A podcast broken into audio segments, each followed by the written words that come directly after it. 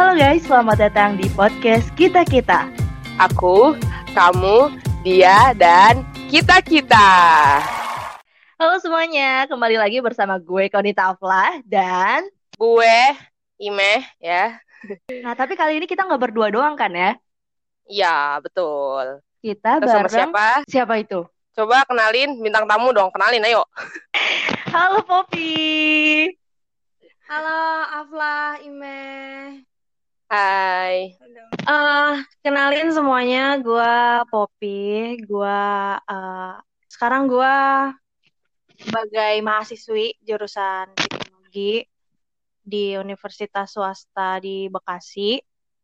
Em, gue umurnya 19 tahun.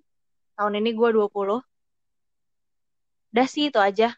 Eh, Kegiatan lu sehari-hari tuh ngapain aja sih? Gue saat ini gue sibuk kuliah pasti. Terus gue juga ikut salah satu komunitas sosial bergerak di bidang pendidikan.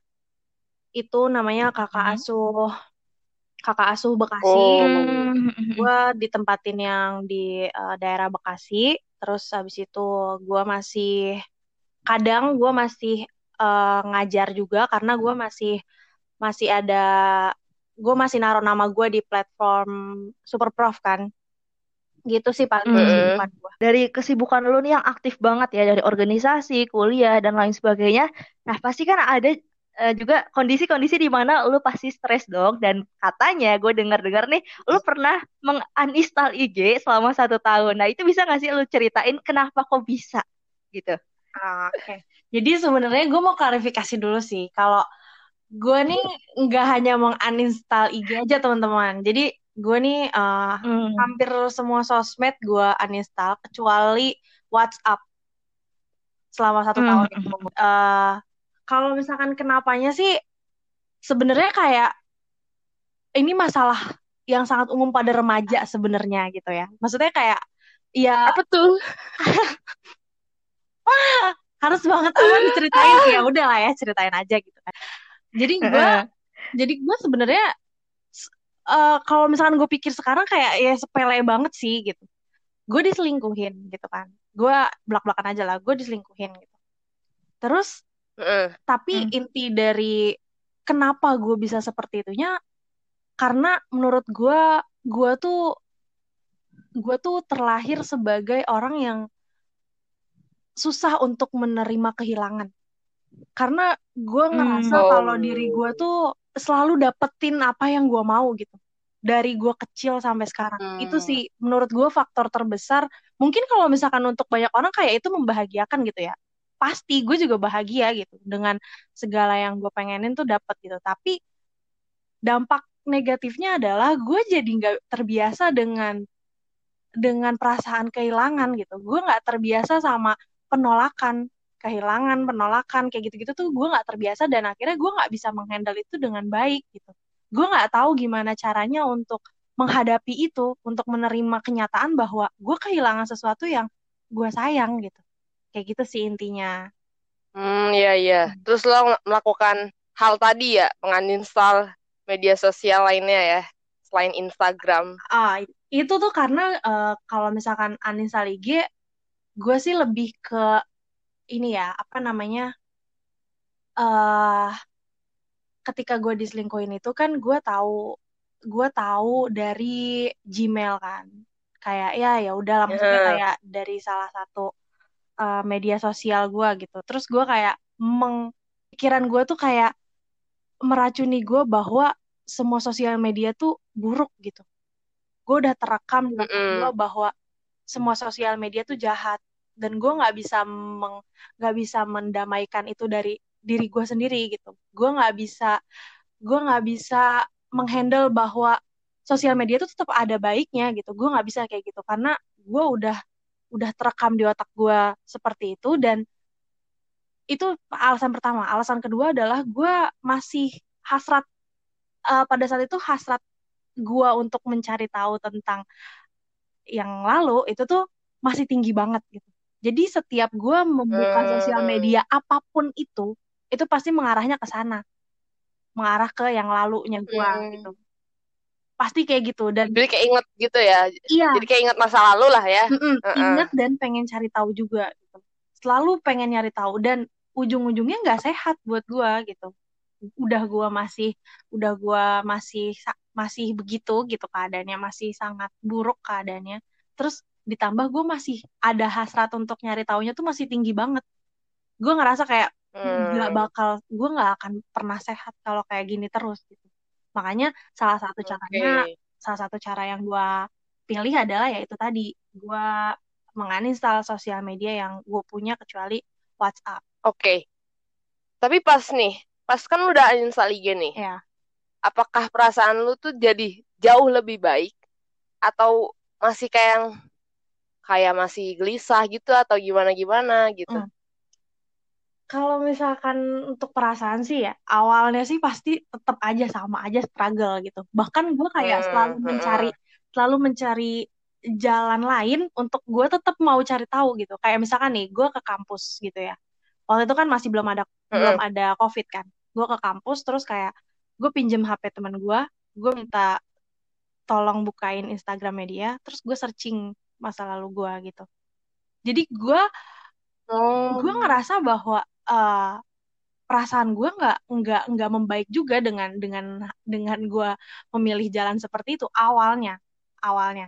Dan semuanya berubah ketika gue udah paham eh, konsep yang kalau misalkan teman-teman mau lihat IG gue itu ada bio Instagram gue gue cantumin tentang eh, self like selfish self love dan selfless gitu kan. Jadi gue oke. Uh, jadi gue gue gue waktu awal dengar konsep ini juga kayak nggak langsung kayak oh ini gue bisa nih mengobati diri gue dengan ini. Nggak gitu juga.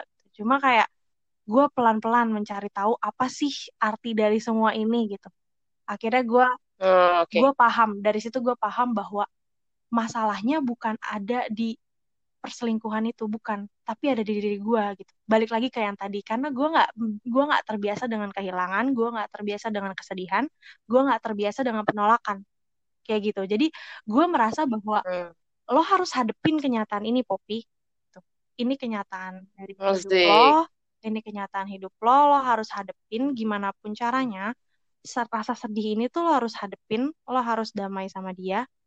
Terus akhirnya gue ketemu sama konsep itu. Dengan cara yang tadi saya flag tadi gue mencari kekurangan gue gitu. Karena orang-orang tuh suka menggebu-gebu tentang self love self love gitu kan. Cintai diri lo segala macem mm. gitu gitu orang tuh suka loncat gitu loh meh lah kayak lanjut Oh, loncat langsung iya, self yang love gitu. Tanpa lo tuh harus tanpa lo tuh tahu apa kekurangan lo. Gimana kita bisa cinta sama diri kita kalau misalkan kita belum tahu oh. kekurangan kita gitu tadi yang udah lu sebutin apa? Apa aja? Self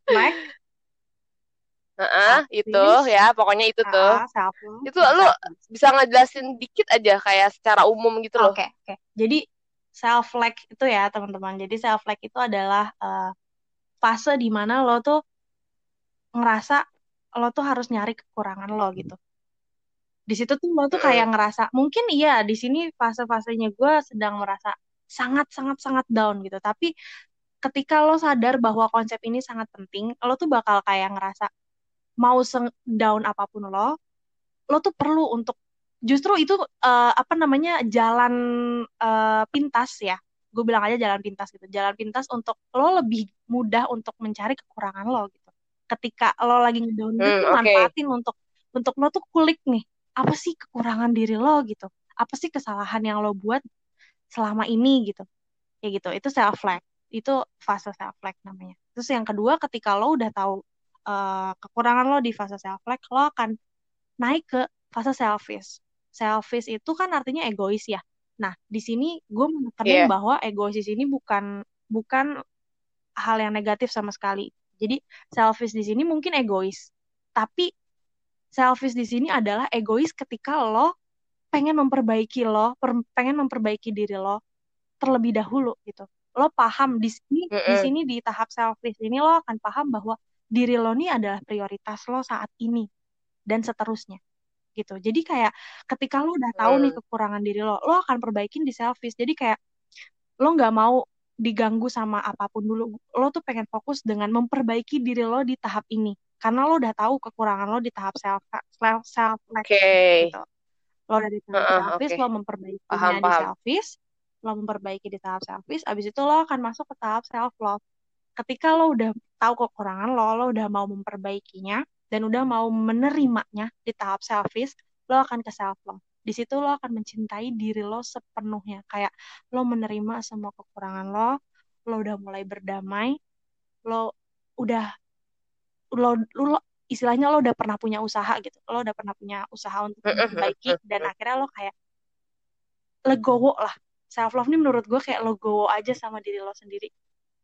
Kayak gitu. Terus yang terakhir ada Hmm. di selfless selfless ini maksudnya tuh mencintai sekitar gitu. Kayak kayak gue sayang sama eh, pacar gue atau kayak sama keluarga gue atau siapa pun teman-teman gue gitu. Nah itu ada di tahap selfless jadi kayak kalau lo pasti pernah dengar kan kayak kata-kata eh, apa namanya lo nggak bakal bisa ngebantu orang lain kalau misalkan lo nya aja belum ditolong gitu.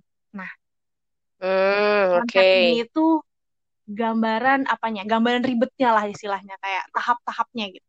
Untuk sa- untuk sampai ke selfless lo nggak akan bisa mencintai orang lain lo nggak akan bisa care sama orang lain peduli sama orang lain kalau misalkan lo nya aja belum peduli sama diri lo. Lo aja belum kenal sama diri lo. Kayak gitu. Itu gambaran umum dari Hmm. Jadi tadi apa sih? Terima kekurangan ya, Iya. perbaiki diri ya enggak? Iya.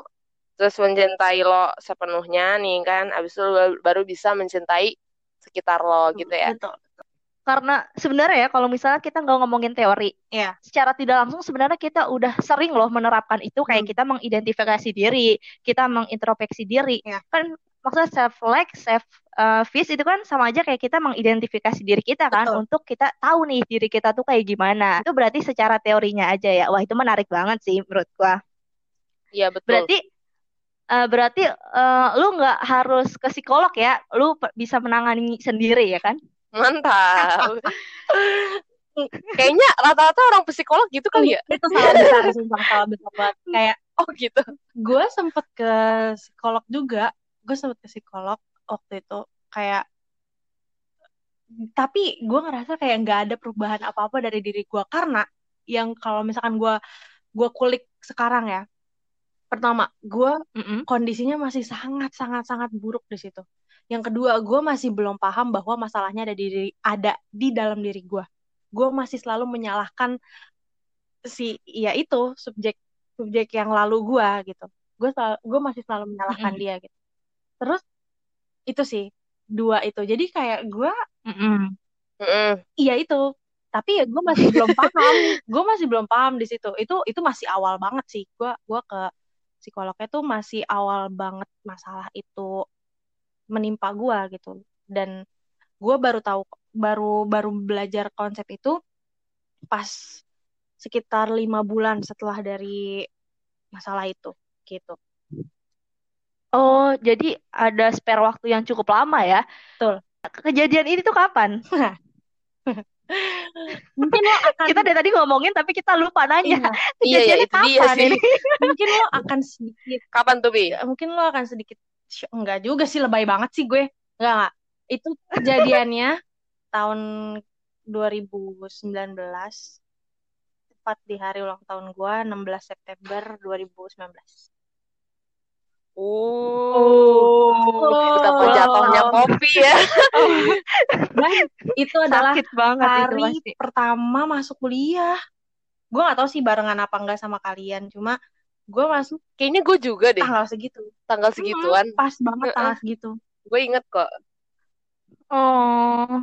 Iya begitu Wah, berarti itu parah sih itu jatuhnya emang bener-bener dibikin down banget apalagi kan fase mas masuk kuliah kan pasti kalau udah down ke depannya itu kan susah loh untuk merecovery-nya. luar Betul, biasa betul. luar biasa Wah, keren banget sih Poppy udah melewati fase-fase yang emang krisis, tapi lu bisa melewatinya dengan sangat baik. Sehingga lu sekarang udah ya sehat mental lah, bisa dibilang kayak gitu. insya Allah Amin. Amin. Apa sih yang membuat lu bertahan di uh, selama satu tahun itu menguninstall media sosial itu? Bertahan. Gua apa yang bikin gue bertahan itu adalah gue meningkatkan kesadaran diri gue aja sih sebenarnya. Kayak setiap gue Hmm. goyah, kayak gue kangen sama teman-teman gue gitu. Gue kangen banget sama teman-teman gue. Gue pengen berinteraksi lagi karena ya lo tau lah gimana aktifnya gue di sosial media dulu gitu kan sebelum gue uninstall IG ini gitu. Karena gue sebegitu pengen deketnya gitu sama teman-teman gue gitu. Gue nggak mau kayak gini gitu. Cuma setiap gue goyah kayak gitu, gue selalu selalu ngomong lagi sama diri gue kalau Popi gitu kan ya Popi lo tuh harus sadar kalau lo belum sembuh lo belum sehat maksudnya nggak nggak akan pernah ada sembuh yang bener-bener sembuh gitu ya. Cuma kayak eh setidaknya gue harus gue harus lebih peka sama diri gue bahwa gue harus tahu kalau gue tuh masih butuh waktu gitu. Jadi yang bikin gue bertahan adalah kesadaran diri gue sendiri. Karena cuma itu satu-satunya satu-satunya cara bagi gue untuk tetap bertahan uh, buat buat enggak enggak enggak berkontak sama sosial media dulu gitu. Cuma itu aja sih. Hmm. Bener-bener cuma itu aja kayak setiap gue goyah ya itu lagi gue napak lagi, sadarin sadarin diri gue lagi kalau ya lo belum lo belum sehat, lo belum sembuh karena gue bener-bener kayak uh, kalau misalnya kalian mau tahu itu gue tuh ini FYI aja sih sebenarnya uh, gue setiap karena gue udah sempet kayak nyoba gitu kan nyoba kayak ah coba deh buka IG lagi gitu. Karena kan waktu itu gue uh, apa namanya cuma diaktif doang kan IG-nya cuma diaktif uh, sebulan gitu terus gue kayak coba ah buka lagi gitu. Pas buka hasrat yang tadi gue bilang hasrat untuk mencari tahu tuh masih tinggi banget gitu. Terus pas gue akhirnya gue tergoyah gue cari tahu lagi terus gue muntah gitu. Maksudnya gue sampai sebegitunya. Gue sampai gue sampai kayak kalau lo mau tahu gue kan kemarin maksudnya lo terakhir pada ketemu gue itu kan gue terlihat gemuk gitu ya. Ya udahlah akuin aja gitu. Iya nggak? Iya nggak? Kayaknya iya ya udah ya uh, terus sekarang kurus gitu ya? Berat badan gue nggak nggak. Gue nggak bilang gue nggak bilang kurus juga gitu. Cuma gue mau nunjukin pakai angka aja. Biar lebih saintifik Mhm. gitu. Oh, oh my god.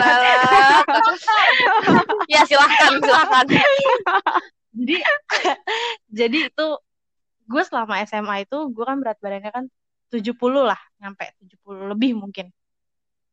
Sekarang Hmm. berat badan gue itu 54 sekitar 54 wow turunnya itu jauh ya amat. Ah, iya. Kalau kata naik terjun bebas. Jadi gue juga awalnya nggak sadar gue awalnya nggak sadar karena gue dibilang sama teman gue kalau kayak kelihatan sakit gini gini gini gini gini? Gitu.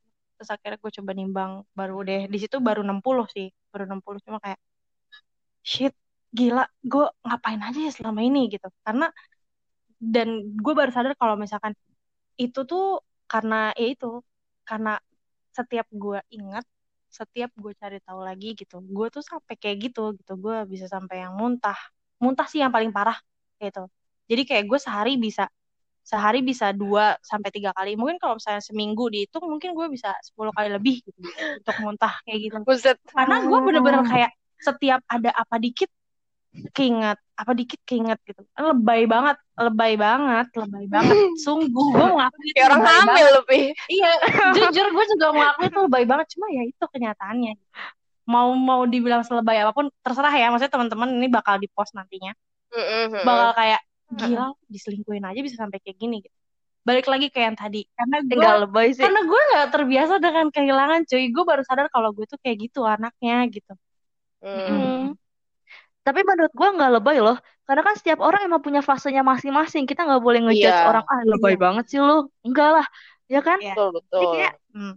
ya itu biasa-biasa aja. Karena itu kan mengalami situasi kayak gitu kan susah Iya. tau. Nggak semua orang Iya. bisa juga. Hmm. Iya Kayak, kayak gue lebih salut ke lu gitu. Wah keren banget. Gue mau tepuk tangan dulu nih. Kedengeran Iya, nggak? tepuk tangan, Kedengeran, benar. Tepuk tangan virtual. Mantap, Nah. mantap. Keren banget Oke, sih. lanjut ya. Mm-mm. pas lu apa namanya pas lu pokoknya kan mengalami kondisi seperti itu ya enggak Tuh. Lu masih menghubungi teman-teman lu kah pokoknya lu masih menjalin interaksi atau lost aja gitu oke okay. kan kayak yang uh, lo alamin lah sama gue kayak lo gak berhubungan sama gue sampai mungkin setahun lebih kan ya Iya kan, jujur aja lo pada. Iya, iya. Iya kan. Iya, jadi gue se semenghilang itu.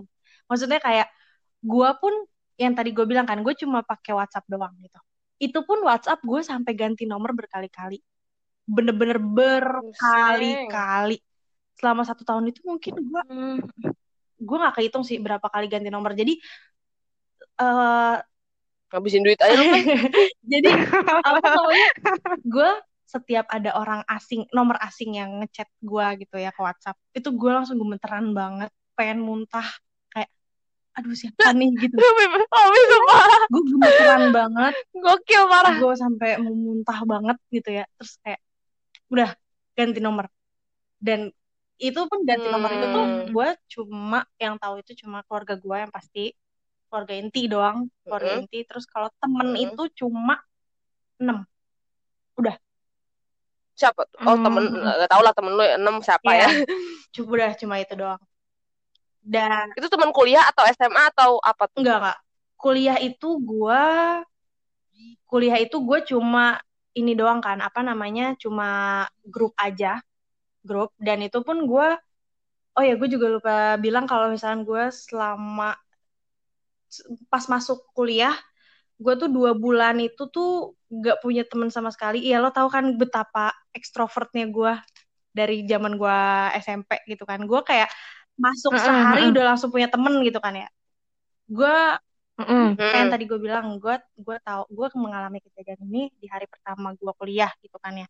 Itu dari hari pertama gue kuliah sampai dua bulan ke depannya itu gue bener-bener kupu-kupu banget maksudnya kupu-kupu itu bukan yang kayak abis mata kuliah selesai terus pulang nggak kayak gitu gue kayak lo pasti pada kayak gini kan kayak mata kuliah pertama ke mata kuliah kedua itu kan biasanya uh, spare waktunya kan agak banyak tuh ya, agak kayak dua jam, sejam kayak gitu kan ya. Nah, yeah. itu biasanya kan kalau teman-teman gue yang lain gitu ya, teman kampus gue tuh biasanya kan pada nunggunya pada ke kantin kayak gitu-gitu, gitu kan. Nah, gue ini mm -hmm. karena kampus gue deket juga dari rumah, gue balik ke rumah.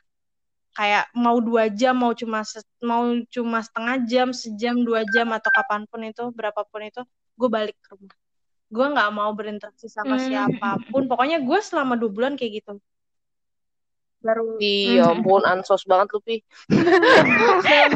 Emang sialan lu mah lagi cerita. Emang bener sih gue mengakui juga kayak iya ya udah gitu. Gue gue mengakui itu dan gue menyadari yeah, itu juga yeah. gitu. Baru gue pengen eh baru pengen gue sedih nggak jadi dah. Iya ya. Maaf ya guys. Kok ini jadi lawakan bener-bener nggak apa lah tapi gue paham sih kenapa seperti itulah yang penting kita menghargai perasaannya itu wah parah keren ah seberapa pengaruhnya stres lo terhadap kehidupan lo berapa persen lah gitu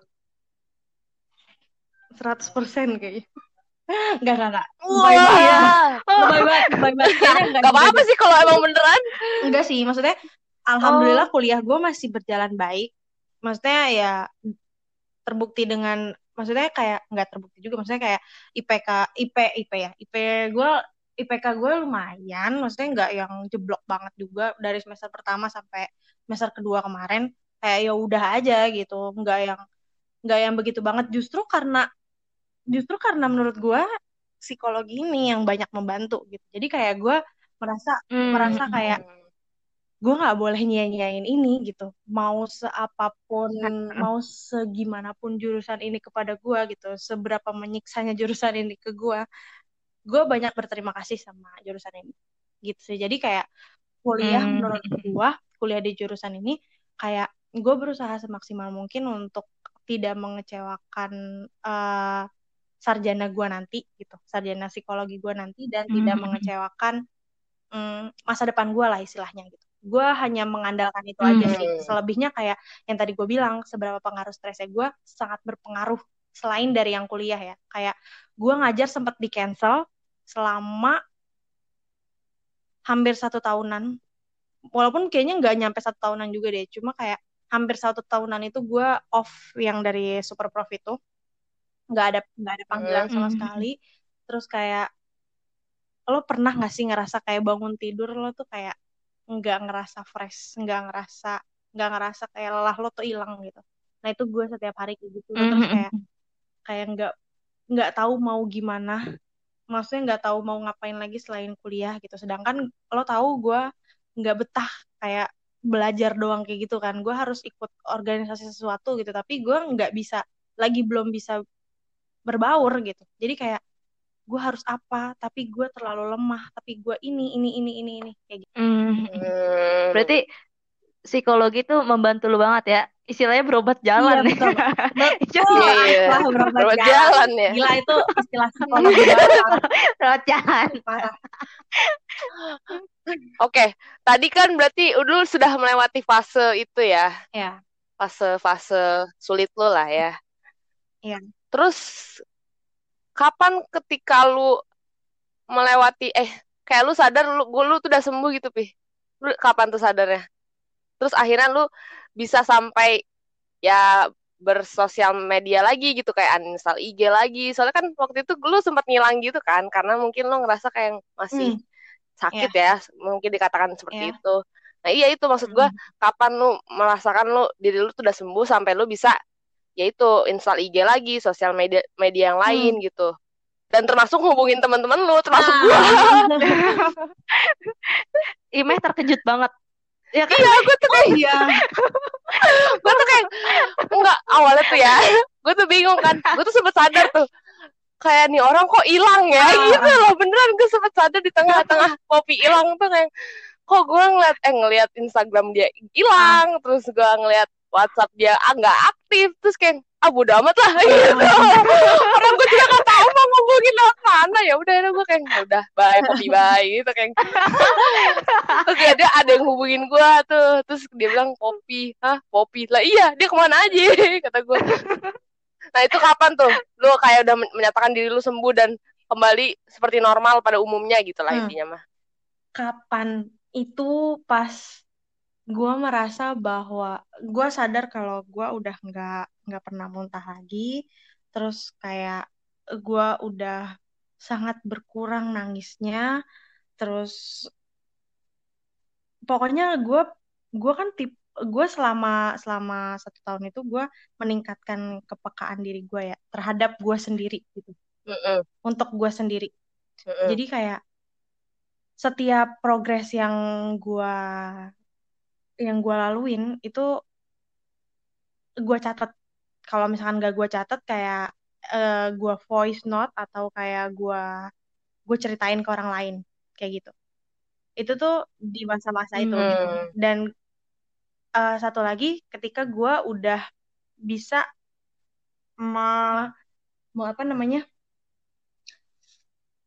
menyalurkan sedih gue dengan ini sekarang gue udah mulai eh, apa namanya suka olahraga.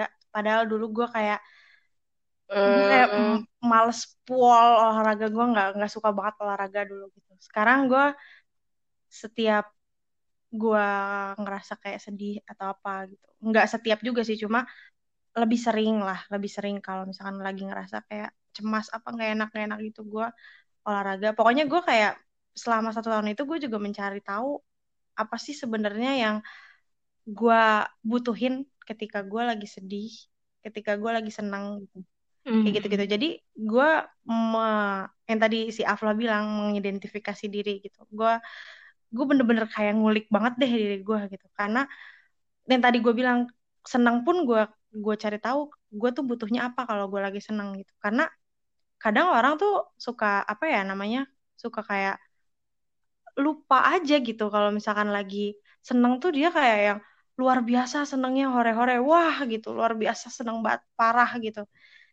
Tapi nggak bisa nggak bisa mengendalikan dirinya ketika dia juga lagi sedih gitu. Jadi kayak nggak balance Hmm. gitu. Ketika dia lagi seneng luar biasa meledaknya pas lagi sedih pun juga luar biasa meledaknya gitu. Gue nggak mau kayak gitu gue Hmm. mau balance dan gue perlu tahu apa yang gue butuhin apa yang perlu gue salurin ketika gue lagi sedih dan gue lagi seneng supaya agar gue nggak meledak di kedua kondisi itu Hmm. gitu Hmm. Hmm. Setuju, setuju, setuju banget. Keren banget. Eh, di ajaran agama juga kan dianjurkan jangan berlebihan senang betul berlebihan dan jangan sedih betul berlebihan. Jadi emang harus betul balance ya, benar-benar. Setuju banget sama Poppy. Asik. Kopi jangan berlebihan. iya siap bos siap nggak lagi Tapi dan bodohnya gue, bodohnya Oh, gue, aku baru nyadar. Lah iya ya, dia udah lama banget kagak nongol. Lah iya gitu lah pokoknya. iya Becak banget dah. Apa ada ngechat Gue lo? ngechat lu gak sih, Pi? Gak tau, gue lupa juga. Kayaknya iya deh, gue langsung ngechat. Ke mana aja lo? iya Gitu. iya iya iya iya iya iya ini suwe nih orang datang-datang bilang ke mana aja lu emang dia kan atau Poppy nggak tahu aja lu. Iya, iya. bener juga ya Plah ya Sumpah gak kakak demi. Iya. Abis gue bertanya-tanya. Kayak udah kayak pantau ini hilang kayak pantau hilang aja gitu kayak gue sempat mikir gini tau Pi lu ikut apa organisasi yang yang gak sialan boleh teridentifikasi? Sosial enggak medianya kayak lo harus hilang beneran hilang untuk selama lamanya buset. Gue sampai mikir kayak gitu ah ya udahlah ya gitu dah. Oh Sumpah itu ngakak banget. Kesel banget gue ih. Agen rahasia ya. Iya. Agen rahasia bener agen rahasia bener. Gue sampai mikir kayak gitu apa Poppy ikut agen begitu aja yang parah begitu-gitu lah. Aduh, sumpah kocak serem banget sih lu Pi. Apa sih namanya? Gue lupa gitu lah. Nama itunya. Apa itu Eh, apa institusinya? Intel, lupa Intel. Heeh gitu. Pokoknya begitu-gitu Pi. Gue sampai mikir gitu anjay. Oke. Oke guys. Dari pelajaran pelajaran pengalaman Poppy ya dia menginstal IG dia punya masa lalu yang cukup menyedihkan. Jatuh banget lah istilahnya.